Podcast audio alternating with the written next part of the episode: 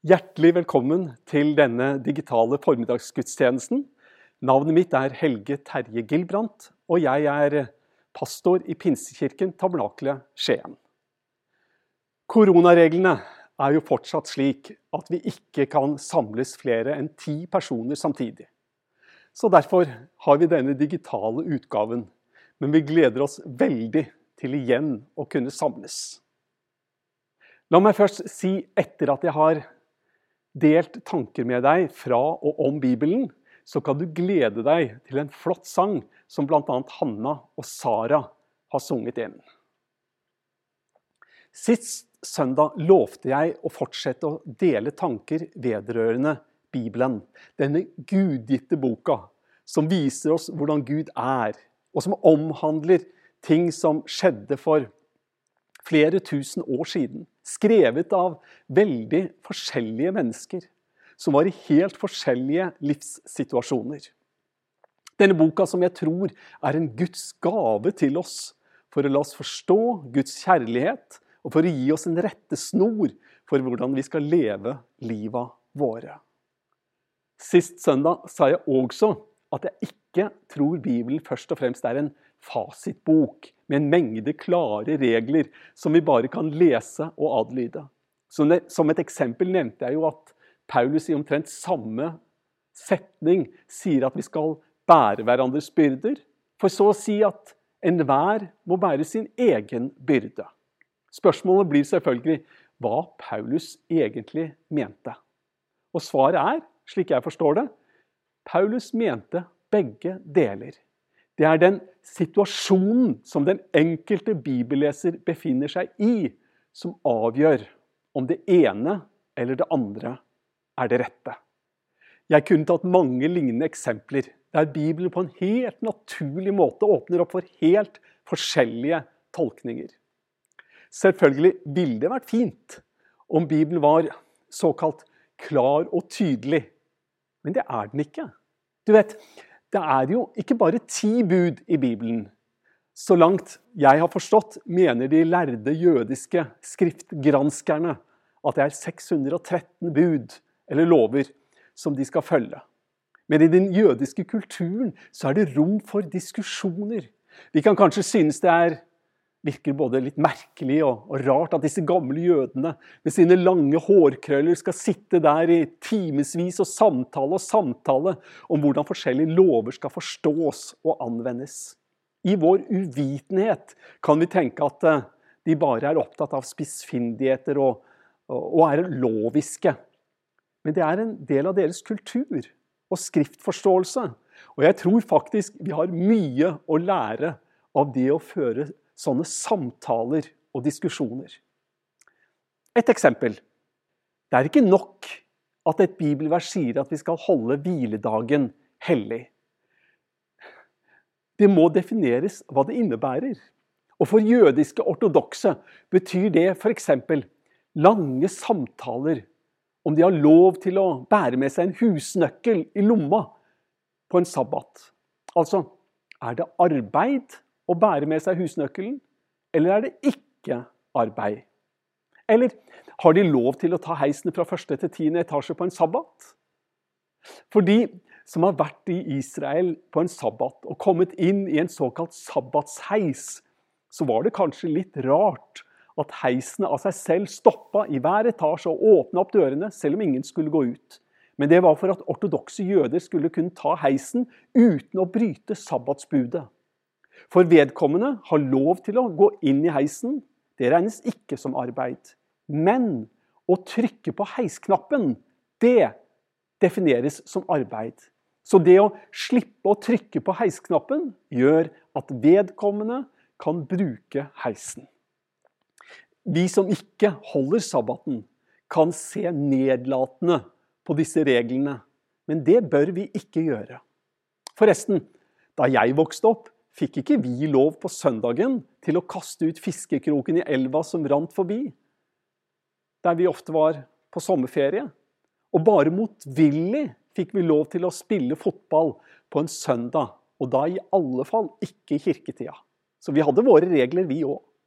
Vi kan ikke bare ha budene, men vi må tolke de. eller anvende de inn i vår tid. Og alle budene har egentlig den samme behovet av å bli tolka. Bare se på ett eksempel til.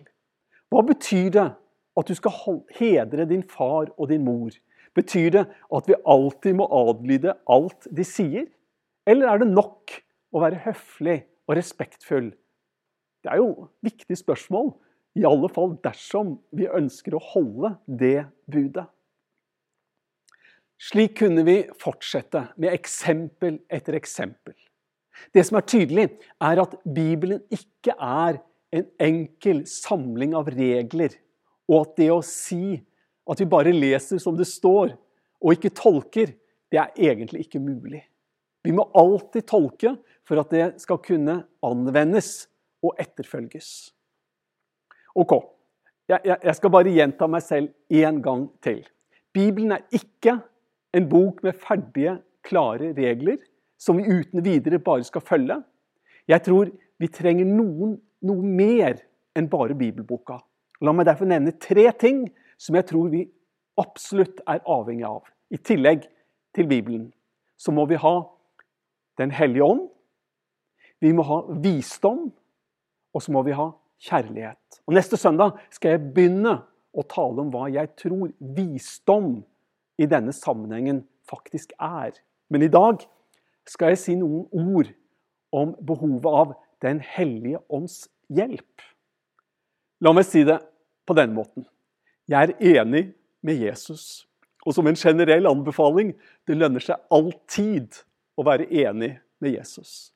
Jesus sier til en skremt og bekymra disippelflokk, gjengitt i Johannes evangelium kapittel 14 og vers 26. Men talsmannen, Den hellige ånd, som far skal sende i mitt navn, skal lære dere alt og minne dere om alt det jeg har sagt dere. Jesus sier dette på nadværsalen, bare timer før han skal korsfestes og ikke lenger være sammen med disiplene på den måten han hadde vært de siste tre årene. Jesus vet at han har så mye mer han skulle fått sagt til disiplene sine. Så mange råd han ville gitt. Jesus sier nesten det samme som dette i Johannes evangelium kapittel 16 vers 12 og 13. Der står det Ennå har jeg mye å si dere, men dere kan ikke bære det nå. Men når sannhetens ånd kommer, skal han veilede dere til hele sannheten. Dette er jo spennende ord.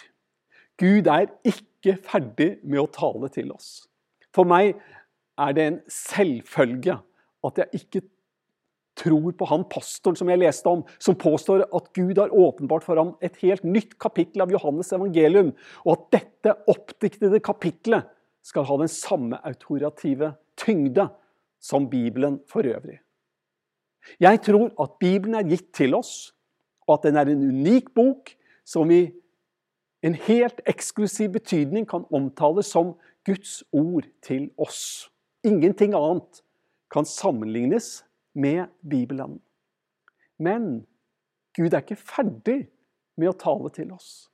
Jesus sa to ting om hva Den hellige ånd skulle gjøre.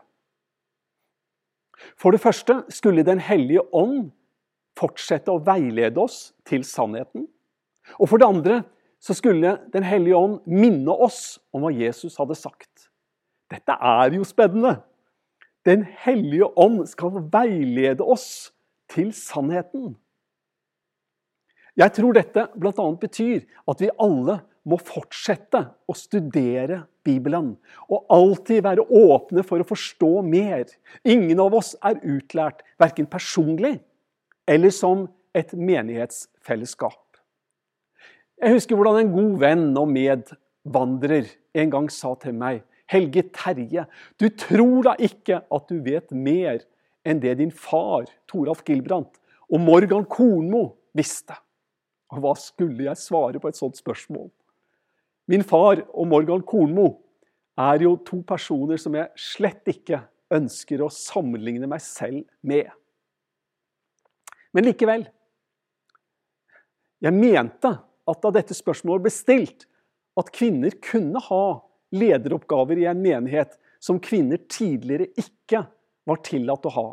Og så ble det altså sagt at jeg kunne jo ikke være så selvgod at jeg våget å ha et annet standpunkt enn det de to nevnte personer hadde hatt.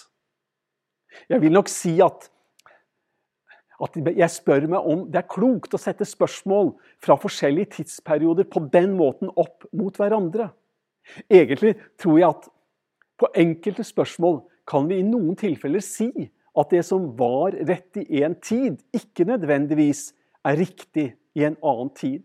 Og For min del vil jeg ikke si at det tidligere nødvendigvis var feil å ha et annet standpunkt enn det jeg i dag har. Det viktigste for meg er at vi i dag ikke legger begrensninger på andres tjeneste, som jeg ikke tror Bibelen på en normativ måte gjør. Men du, tilbake til spørsmålet som retorisk ble stilt til meg. Du tror vel ikke at du vet noe mer enn disse to personene som ble nevnt? Da det spørsmålet ble stilt, opplevde jeg en sånn uvant frimodighet. Jeg svarte jo, det tror jeg så absolutt. Selvfølgelig tror jeg at det er mulig. Jeg ser det slik, forklarte jeg. Vi får stå på skuldrene til de som har gått foran. Og da kan det skje at vi ser både lenger og tydeligere. Og jeg håper at de som en dag skal ta over mitt ansvar, kan bygge på det jeg har fått bidra med. Og at de kan bygge videre, høyere og sterkere enn hva jeg klarte. Og jeg tror at dersom jeg har lyktes med min tjeneste, så vil det være enkelt for de som kommer etter, å bygge videre. Og jeg vil glede meg over det. Når Jesus sa 'Talsmannen, Den hellige ånd', som far skal sende i mitt navn, skal lære dere alt og minne dere om alt det jeg har sagt dere. Da forstår jeg det slik at dette sa ikke Jesus bare til de som var på nadværsalen den skjærtorsdagskvelden for mer enn 2000 år siden. Det er noe han sier til oss i dag gjennom bibelboka vår. Vi har alle fortsatt noe å lære. Om noen tror at han er utlært, da har han vel knapt begynt å forstå noe som helst av hva det er å leve et liv under veiledning av Den hellige ånd. Jeg har aldri snakka med noen som har vært så arrogante i sin holdning at de mente at de ikke hadde noe å lære av andre. Men jeg tror jeg har lest litt av personer som oppfører seg på en sånn måte. Når Den hellige ånd skal minne oss om det Jesus har sagt, åpner det for et enormt landskap av muligheter og lys. Vi er så takknemlige for at Den hellige ånd vil hjelpe oss til å forstå det Jesus sa. Tenk at vi i dag kan be Den hellige ånd veilede oss når vi skal forstå og anvende det Jesus har sagt. La meg oppsummere. Bibelen er ikke en samling med klare regler som nærmest er svart-hvitt-bilder om hva som er rett og galt. For at vi skal kunne anvende bibelordene inn i vår tid, så trenger vi tre ting. Vi trenger Den hellige ånds hjelp, vi må ha visdom, og vi må ha kjærlighet. Og Disse tre elementene, altså Den hellige ånds hjelp, visdom og kjærlighet, er jo naturligvis ikke isolerte størrelser. Det er når disse tre får arbeide sammen, at vi kan erfare hvordan bibelboka blir en levende bok for oss. Omtrent sånn som Paulus formidla det i 2. Korinterbrev kapittel 3 vers 6, der Paulus skriver For bokstaven slår i hjel, men ånden gjør levende. Neste søndag skal jeg begynne å tale om hvorfor jeg tror visdom er så viktig når vi snakker om å anvende Bibelen. Og Jeg håper å kunne vise at Bibelen er en bok med guddommelig visdom og åpenbaring, altså mye mer enn en regelbok med ferdige, klare fasitsvar. Jeg vil straks lyse Herrens velsignelse, men la meg minne deg om at rett etterpå vi en, har vi en nydelig sang som jeg gleder meg til at vi alle skal få høre. Det er Hanna og Sara som skal synge for oss. Ta imot Herrens velsignelse. Herren velsigne deg og bevare deg.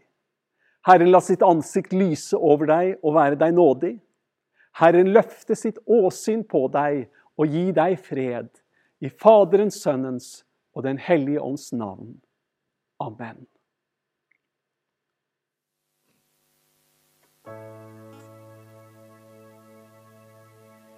Å, du kilde til hver gave, stem mitt hjerte med din klang. For den nåde som du skjenker vil jeg gi deg av min sang. Som en strøm av melodier fra mitt hjerte og mitt sinn vil jeg gi